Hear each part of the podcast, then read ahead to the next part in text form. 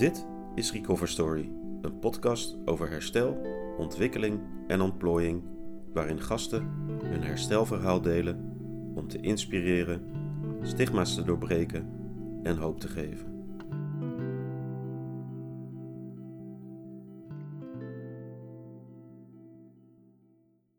Anneke, welkom bij de podcast. Je bent de allereerste gast. Ehm, heel fijn dat je wil uh, meewerken aan deze nieuwe uitdaging. Mhm. Ehm, ik ken Anneke van Fameus.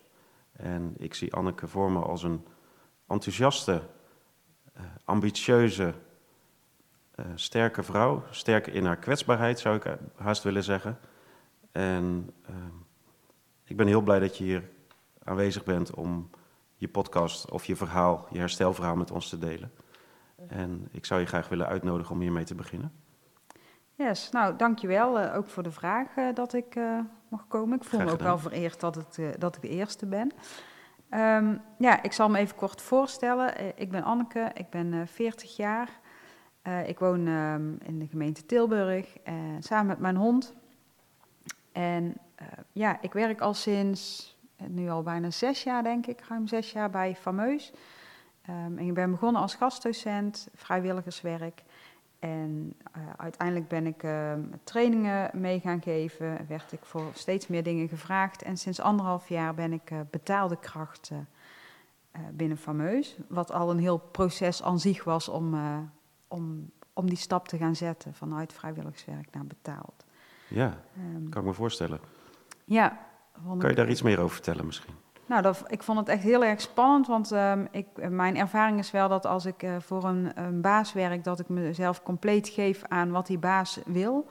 En uh, daar heb ik slechte ervaringen mee, ja, dat ik mezelf overwerkte, dat ik niet meer voelde van wat wil ik nou eigenlijk. En, um, want ja, die baas zei A, dus dan moest dat toch. Dus ik ben heel langzaam bij Fameus echt betaald. Ze gaven me acht of tien uur, wilden ze me aanbieden voor een half jaar. En ik ben voor zes uur voor drie maanden begonnen, omdat dat allemaal te overzien was voor mij. Ja. En sinds kort werk ik twintig uur per week. en, Wauw. ja, dus ja, ik ben er echt ingerold. En dat is het fijne van Fameus, dat je daar gewoon de ruimte krijgt om te ontwikkelen, om te ontdekken, om te proberen, om op je bek te gaan als het nodig is. En, ja. ja, dus dat. Wat goed. Fameus ja. voor de mensen thuis staat voor herstel, ontwikkeling en ontplooiing. Um, ja, dat wordt eigenlijk al duidelijk gemaakt in het korte verhaaltje wat Anneke hier eventjes vertelt. Um, kan je iets meer vertellen over wat, er, wat jouw uh, herstel heeft ingehouden? Oh ja, dat, wil ik wel. Ik zal eventjes uh, vertellen waar ik... Ik kom uit een gezin. Ik heb één oudere broer. Um, die is drie, ruim drie jaar ouder. En een vader en een moeder. En uh, mijn vader was vroeger, die was ziek, die had een nieraandoening. Wat betekende dat hij heel vaak naar het ziekenhuis moest, dat hij regelmatig controles had. En ja, dus heel veel aandacht ging op zijn gezondheid. Hij was daar ook heel spits op, moest een bepaald dieet volgen. Nou, dat werd precies allemaal gevolgd. Um, en um, ik was nogal een gevoelig kind en pikte eigenlijk vrij snel op dat, ja, de zorg voor mijn vader. En achteraf gezien heeft dat een grote rol in mijn leven gespeeld door mezelf weg te cijferen. En daarnaast werd ik op de basisschool heel erg gepest. Ik, uh, ik was dik en ja, daar werd ik enorm mee gepest. Dus op school had ik geen vriendjes, vriendinnetjes. En uh, ja, thuis kon ik mijn verhaal eigenlijk ook niet echt kwijt, want er was al een, een ja, een, een zorg iets. Dus ik, uh, ik heb mezelf aan de kant gezet. Niet dat dat van mijn ouders gevraagd werd, maar dat heb ik gewoon onbewust uh, zelf gedaan. Um, en dat is wel de, het probleem wat eigenlijk nog steeds wel in mijn leven speelt. Dat ik het heel spannend vind om te vertrouwen, om me veilig te voelen. Want ik heb die veiligheid thuis ook niet ervaren. Omdat ik, ja, mijn vaders gezondheid kon linksom, kon rechtsom. Dus er was nooit echt een veilig gevoel voor mij. En um, nou ja, mijn vader is overleden toen ik 17 was. En een jaar later uh, heb ik een, uh, is een eetstoornis bij mij uh, de kop op komen steken. Die eigenlijk wel al een aantal jaren sluimerde. Maar um, toen ik het moeilijk had in mijn stagejaar, met, ik werkte met negen vrouwen op een afdeling. En ja, ik voelde me echt de stagiaire. En ja, ik had eten onder controle en zij niet. En dus ik voelde me heel sterk in één punt wat hun allemaal niet hadden. En nou ja, eten was voor mij ook iets om mee bezig te zijn, uh, zodat ik niet hoefde te voelen. Dus als ik maar aan het nadenken was over eten, dan hoefde ik niet te voelen. En um, nou ja, um, is dus een aantal jaren heb ik, uh, heb ik gekampt met een eetstoornis, de controle hebbend, mijn gevoel niet uh, hebben, bang dat ik er niet bij zou horen, dat ik niet ergens goed genoeg in was. En het was ook een manier om aandacht te krijgen. Um, en vind ik heel vervelend dat, uh, dat ik dat op zo'n manier gedaan heb, want ik ben echt een tiran in het gezin geweest. Maar ja, ik wist geen betere manier toen. Het was nodig. Het was schijnbaar nodig, ja. Uh, en gelukkig ben ik eruit, dus dat is ook heel fijn dat ik dat nu wel weer, dat het nu wel weer normaal functioneer in het gezin ook. En um, ik heb een aantal verschillende behandelingen gehad. En als ik terugkijk op die tijd, dan is eigenlijk, um, als ik kijk naar wat mij niet geholpen heeft in herstel, um, is het de visie die mensen hadden op een eetstoornis. De manier hoe je omgaat met mensen, de, man, de manier hoe mensen met een eetstoornis manipuleren hoe die denken en hoe die doen. Um, ik was niet zo'n eetstoornispatiënt. Ik was wel eerlijk. Ik wilde heel graag beter worden. Ik, wilde, ik wist eigenlijk heel goed wat goed voor mij was, maar hun dachten dat ik de boel manipuleerde. En uh, doordat ik dus eigenlijk niet gehoord werd in mijn behoeften, ja, dat werkte averechts. Daarvoor ging ik me alleen maar meer verzetten.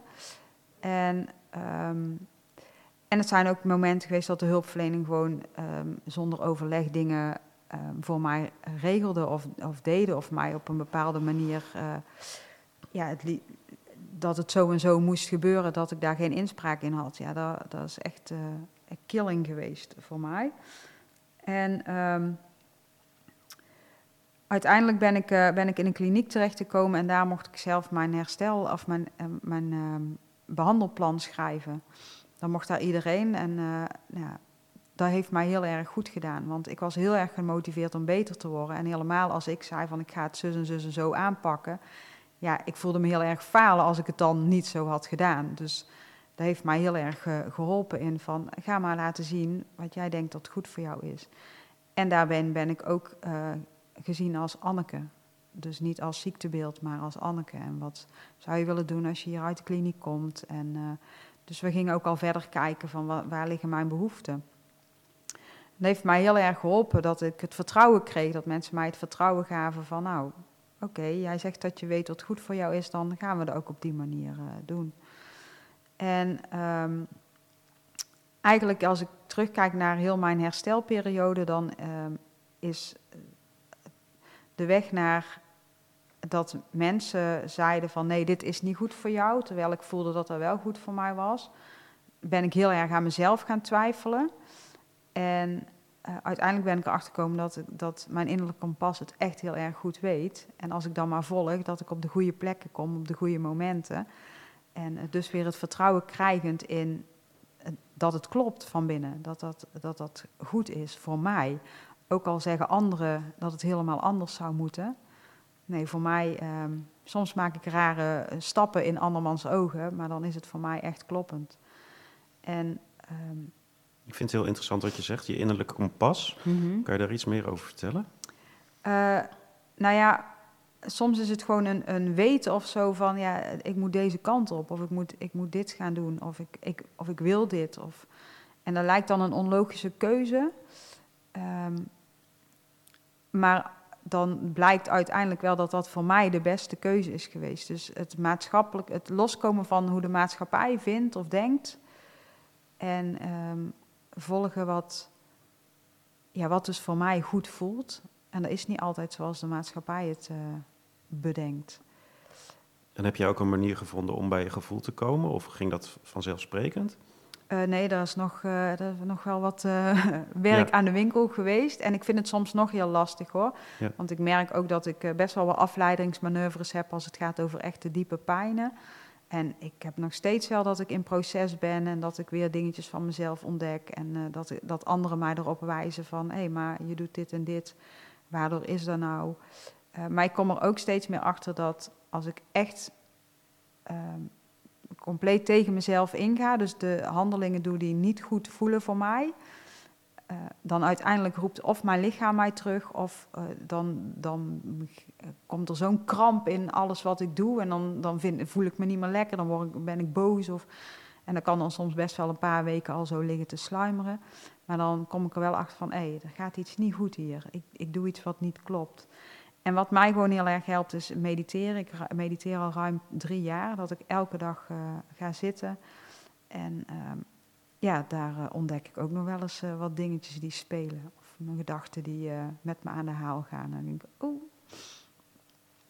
Ja. Mooi. Ja. Dankjewel. Ik hoor in je verhaal een aantal elementen terugkomen. Als ik zo vrij mag zijn, benoem ik ze even veiligheid, verlies, niet gehoord worden en vertrouwen. Mhm. vertrouwen. Mhm. Eh, hoe ga je daar nu in je dagelijks leven nog mee om? Nou ja, er zijn eigenlijk nog wel dingen die, die spelen, die ik heel spannend vind en waar ik nog wel tegenaan loop. Die eetstoornis is een uiting geweest van, van deze problemen. Die, uh, en ehm, ik vind het heel moeilijk om, om te vertrouwen in mensen. Ik ben heel bang dat mensen van het een op het andere moment gewoon gaan. Uh, dat was bij het pesten al, dat ze het ene moment me leuk vonden en het andere moment was ik gewoon lucht. En uh, ik vind het ook heel spannend om bijvoorbeeld wat er echt in me omgaat, wat ik, uh, wat ik voel, um, om dat met mensen te delen, omdat ik dan denk van ja, dat is een lastpak hoor, daar heb ik allemaal geen zin in. Dus um, dat is elke keer aftasten en um, ja, dat, dat, vind ik echt heel spannend. Ik heb, het, ik heb het deze week nog gehad dat ik met een, met een vriendin, en dat is dan een vriendin, en dan vertrouw ik toch nog niet helemaal op het woord vriendin of op het, op het contact. Omdat ik denk van ja, maar als ik dit ga delen, dan denkt ze, nou, jij valt zo door de mand nu. En um, ja, dan loop ik eerst een hele tijd met mezelf te struggelen. En, um, gelukkig heb ik mensen om me heen die, die vragen aan mij stellen en die willen prikken. En um, uh, dat ik op een gegeven moment toch wel de ruimte voel om ook te zeggen dat ik het heel spannend vind om uit te spreken. En uh, um, ook uitleg dat ik dat spannend vind omdat ik bang ben dat ze me gaan verlaten. En uh, ja, daar blijft dus nog steeds een struggle.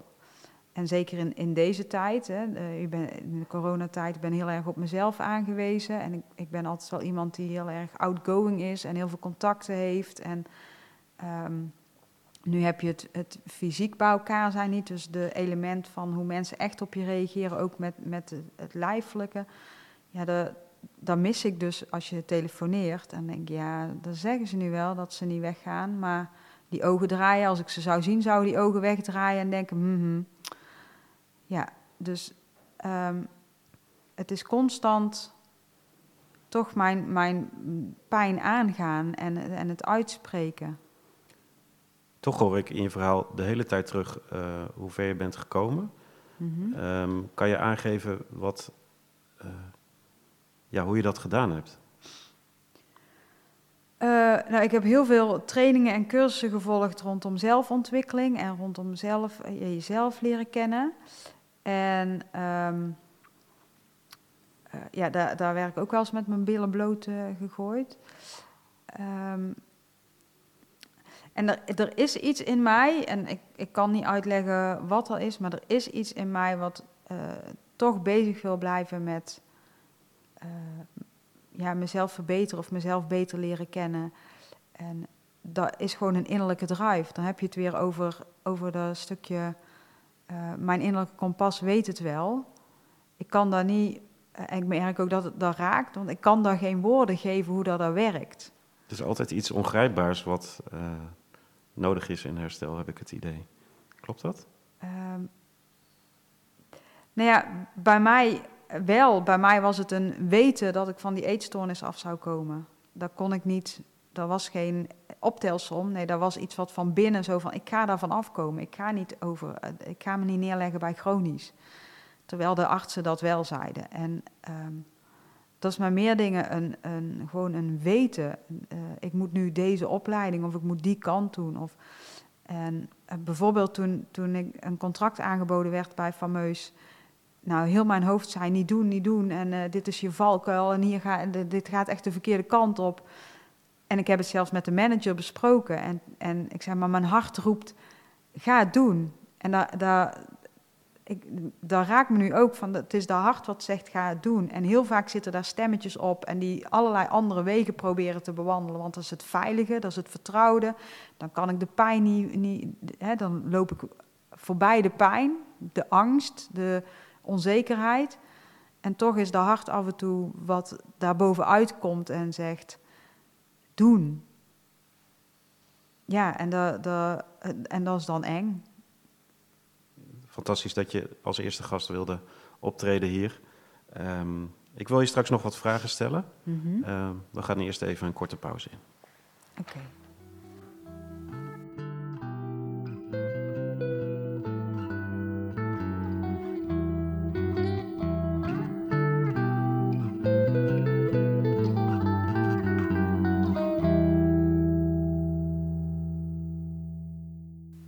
Anneke, nogmaals bedankt voor je delen van je verhaal. Mhm. Eh, ik had nog wat vragen en die wilde ik eigenlijk uh, elke keer dat we deze podcast opnemen aan iemand stellen. Uh, het kan zijn dat je die al hebt genoemd in je verhaal, mhm. maar ehm, het is misschien duidelijk om het nog een keer concreet te benoemen of kijken wel hoe het loopt. wat hoop je dat mensen meenemen in jouw verhaal? Um, ja, wat, wat hoop ik dat mensen meenemen? Uh, misschien een, bepaalde herkenning. En ja, wat voor mij gewoon heel belangrijk is en wat ik eigenlijk ook hoop te doen bij mensen sowieso die ik tegenkom, is dat mensen naar zichzelf gaan kijken waar heb jij behoefte aan en wat heb jij nodig. Los van wat iedereen in een omgeving ook zegt, maar wat, waar voel jij wat voor jou oké is, wat voor jou goed is. Ik vind gewoon dat iedereen weer zichzelf mag zijn. En, en ehm, ja, en wat voor mij ook, uh, wat voor mij ook wel belangrijk is, is dat je jezelf dat je uitspreekt wat er in je omgaat. Want ik, hoe eng ik het ook vind, hoe ik het net benoemde, hoe spannend het ook is, uh, het gaat tegen mij werken als ik het niet doe. En dat is nog net iets erger als de spanning en het enge van om het wel uit te spreken. Wat knap van je. Uh, hoe was het daarom ook om jouw verhaal te vertellen? Um, nou, mijn verhaal vertellen vind ik, uh, vond ik deze keer wel spannend, omdat ik, uh, ik heb het heel vaak gedaan met het geven van gastlessen, maar dat is toch op een andere manier. En ook omdat het eetstoornis uh, verhaal eigenlijk al, al ja, 18 jaar geleden is dat ik uit de kliniek kwam. Ehm, dus dat het best ver weg is, maar het herstel is nog steeds gaande. En om dat dan goed onder woorden te brengen, ja, dat vind ik dan best wel lastig. Ja. ja. Uh, zou je nog eens in het kort, want je hebt het al wel verteld, uh, concreet kunnen benoemen wat helpend was in jouw herstel? Nou ja, dat ik, um, dat ik als Anneke gezien werd, dus niet als iemand met een eetstoornis, maar als Anneke, en dat er geluisterd werd naar mijn behoeften en naar mijn, uh, mijn wensen en mijn gedachten over hoe ik, hoe ik dacht eruit te komen. En um, ja, wat, wat mij ook, dat heb ik niet genoemd net, maar wat mij ook heel erg geholpen heeft, is mijn moeder, die echt uh, altijd mijn steun en toeverlaat is geweest, die de rust zelf is gebleven op het moment dat ik in haar buurt was. Ze heeft wel verteld dat als ik niet uh, in haar zicht was, dat ze een stuk onrustiger was. Maar um, dat zij eigenlijk altijd aan is gesloten bij mij en niet uh, in opstand is gekomen naar mij toe. En dat... Um, ja, dat de moeder dus naast je staat. Wat mooi. Ja, dat is voor mij ook e-, e-, enorm helpend geweest. Ja. En daartegenover, wat was absoluut niet helpend in jouw herstel? Nou, dat, dat hulpverleners eigenlijk de touwtjes over wilden nemen en het op hun manier deden. En uh, dit zijn protocollen en zo doen wij dat hier. En ja, dat heeft voor mij, uh, dat maakte dat ik eigenlijk aan mijn eigen gevoel en aan mijn eigen weten ging twijfelen. Nou, en heb ik ook wel weer nodig gehad om, om weer te, um, daarvan te herstellen, om weer te gaan vertrouwen op van wat van binnen uh, roept dat goed voor mij is, dat is dus ook goed voor mij. Want ik dacht op een gegeven moment van ja, maak, ben ik inderdaad niet de boel aan het manipuleren. En uh, ja, dat ik gewoon echt geen twijfel aan mijn eigen doen en laten. Ja. Dat was niet uh, helpend. Gelukkig is de tendens dat steeds meer eigen regie wordt toegepast hè, binnen de instellingen. En dat je ziet dat uh, bijvoorbeeld ook behandelplannen samen worden geschreven. Hè? Dat zei je net ook zelf. Mm -hmm. um, kan je aan, nog een keer aangeven wat daar zo essentieel in is? Nou ja, um, ik maak me hard voor, de, dat is ook waarom ik, uh, waarom ik bij Fameus ben gaan werken. Ik wil me echt hard maken voor dat, dat de hulpverlening echt de persoon gaat zien. Want iemand is echt zoveel meer als een, een ziektebeeld. En als je daar alleen de focus op legt, ja, dan worden we allemaal niet beter van. Terwijl als je gaat kijken naar wat, wat, drijft iemand, waar, wat heeft iemand ooit gedaan waar die blij van werd, hoe, wat is die persoon, hoe is die persoon, wat zou die graag willen. En eigenlijk de blik van het ziektebeeld afhalen soms. Ja, ik denk dat dat zo helpend is. En uh, um, ja, ik denk dat we er allemaal wel, wel in ons leven nodig hebben om, om onszelf, dat wij gezien zijn, dat wij gehoord zijn. En volgens mij, als we het hebben over 17 miljoen Nederlanders, dat we er alle 17 miljoen behoefte aan hebben. Dat er een basisbehoefte is voor iedereen. Ja. En dat je oké bent zoals je bent. En als de hulpverlening eigenlijk bijna benadrukt dat, je, dat het niet klopt wat jij zegt en hoe jij denkt en hoe jij doet, ja, dat is niet helpend. En ik wil nog wel terugkomen op iets wat voor mij ook heel erg helpend is geweest en waarvan ik nu eigenlijk pas de kern begin te snappen. Dus dat een verpleegkundige toen ik in het ziekenhuis lag, um, uh, die had, mij een kaartje gegeven met een spreuk van Loesje daarop. En dat was leven is het meervoud van lef. En ik dacht altijd in, in lef van ja, uh, weer gaan eten, in lef van... Uh, maar ik begin hem nu pas, wat voor mij echt die lef is, is uitspreken wat er in mij omgaat en um, kijken of de angst aangaan of mensen dan blijven of niet blijven. En, en ook lef om mezelf te accepteren met alle facetten van mezelf. Ook de minder leuke, want daar kom ik ook steeds meer achter dat ik echt niet het ideale mens ben. Wat ik wel altijd heb nagestreefd. Om maar het lieve, aardige, leuke, uh, mooie, mooie meisje, vrouw te zijn. En uh, nee, ik heb ook echt heel veel boze periodes. Echt wat corona al niet in je oproept aan, aan, boosheid en frustratie. En um, ja, ik doe soms ook echt uh, gekke uitspattingen of uh, niet handige dingen. Ja. En dat leren accepteren is voor mij die lef. Lef van dit ben ik. Mooi. Uh, je hoort vaak dat er in een herstelverhaal een, een omslagpunt is. Um, zou je kunnen duiden welk omslagpunt dat bij jou is geweest? Ik heb wel een, een um, ik heb natuurlijk, wat ik vertelde, constant gehad van ik wil beter worden, ik wil beter worden. En uh, toen ik uit de kliniek kwam, uh, ging het eigenlijk op een gegeven moment wel weer wat bergafwaarts met mij. En toen heb ik meegedaan aan Domino Day.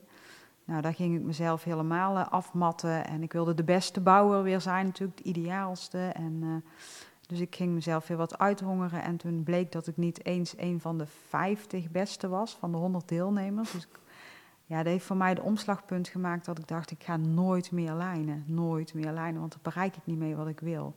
En dat is voor mij echt een heel helder... Op dat moment, dat is ook nog steeds een mantra in mijn hoofd. Ik ga nooit meer lijnen.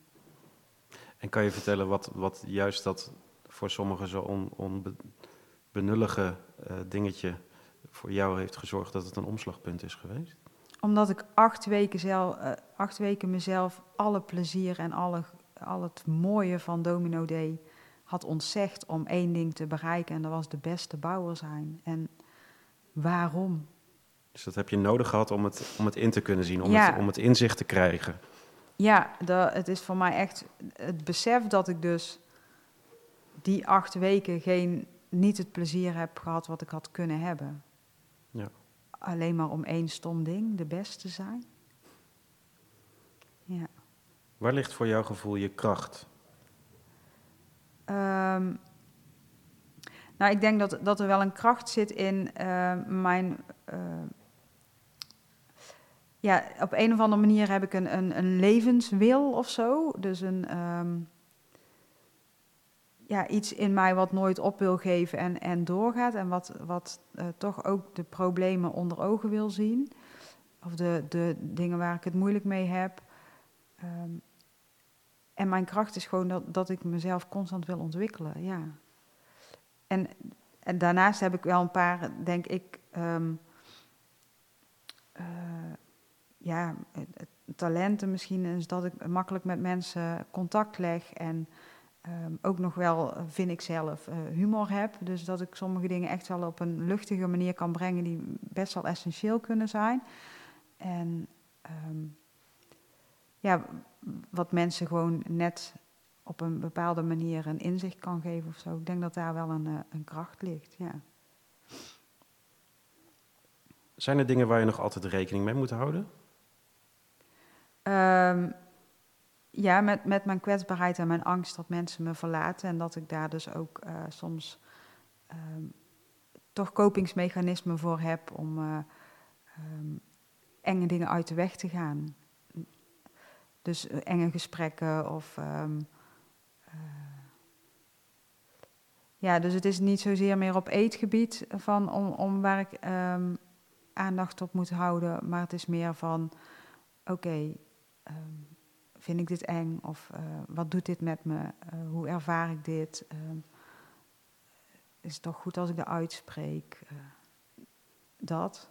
En soms duurt dat weken. En ben ik er zelf pas na weken achter dat ik dus echt om de hete brei heen aan het draaien ben. En dat ik het niet uit hoef te spreken. Of dat ik het te veel in doekjes wikkel om het maar niet rechtstreeks tegen iemand te zeggen. Want oh jee, dadelijk kwets ik iemand. En dat ik het dan allemaal maar linksom, rechtsom, eh, via allerlei omwegen probeer duidelijk te maken, maar echt niet zeg wat ik wil zeggen. En dat ik dan op een gegeven moment denk, ja Anneke, dit is het niet. Dit is, uh, dus. En boosheid is voor mij echt iets wat een, een signaal is van, oh, ik, ben, ik, ik, ik, ga voorbij aan wat, waar mijn behoeften liggen en wat ik echt wil. Die heb ik ontdekt de afgelopen half jaar, denk ik, ja. Hmm. Anneke, zijn er nog dingen die je zelf zou willen toevoegen? Of die je nog vergeten bent, voor je gevoel? Um, nou, ik vind het, het is misschien wel leuk om een concreet voorbeeld te noemen over um, mijn eigen pad bewandelen. En um, ik heb ook uh, benoemd van dat ik het spannend vond om weer voor een baas te gaan werken, omdat ik dan het volgens die regels allemaal weer zou moeten doen.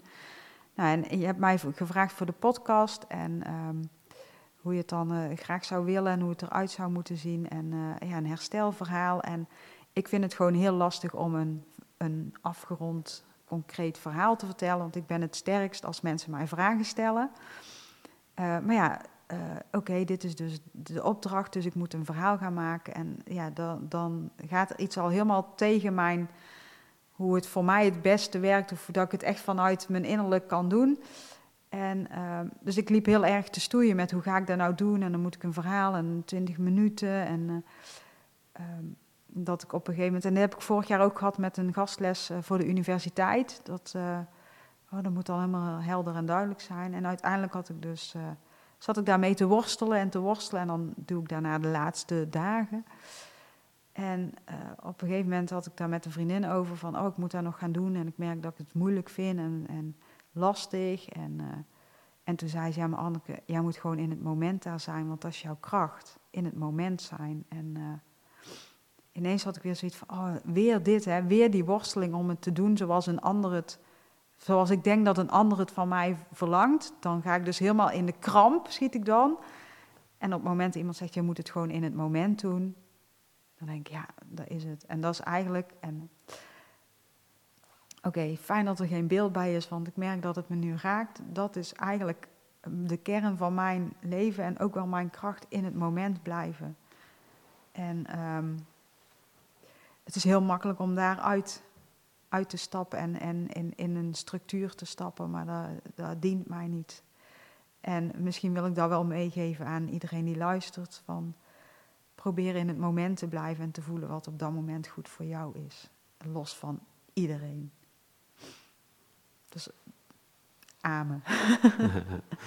Bedankt Anneke dat je dit uh, hebt willen delen met ons. En ik uh, hoop dat ik je een beetje tegemoet ben gekomen in het niet laten vertellen van je uh, hele verhaal, maar gewoon door middel van wat vragen stellen misschien wat makkelijker voor je gemaakt. Ja, zeker. Dank je wel. Fijn om te horen. Ja. Um, dan wil ik graag gaan afsluiten.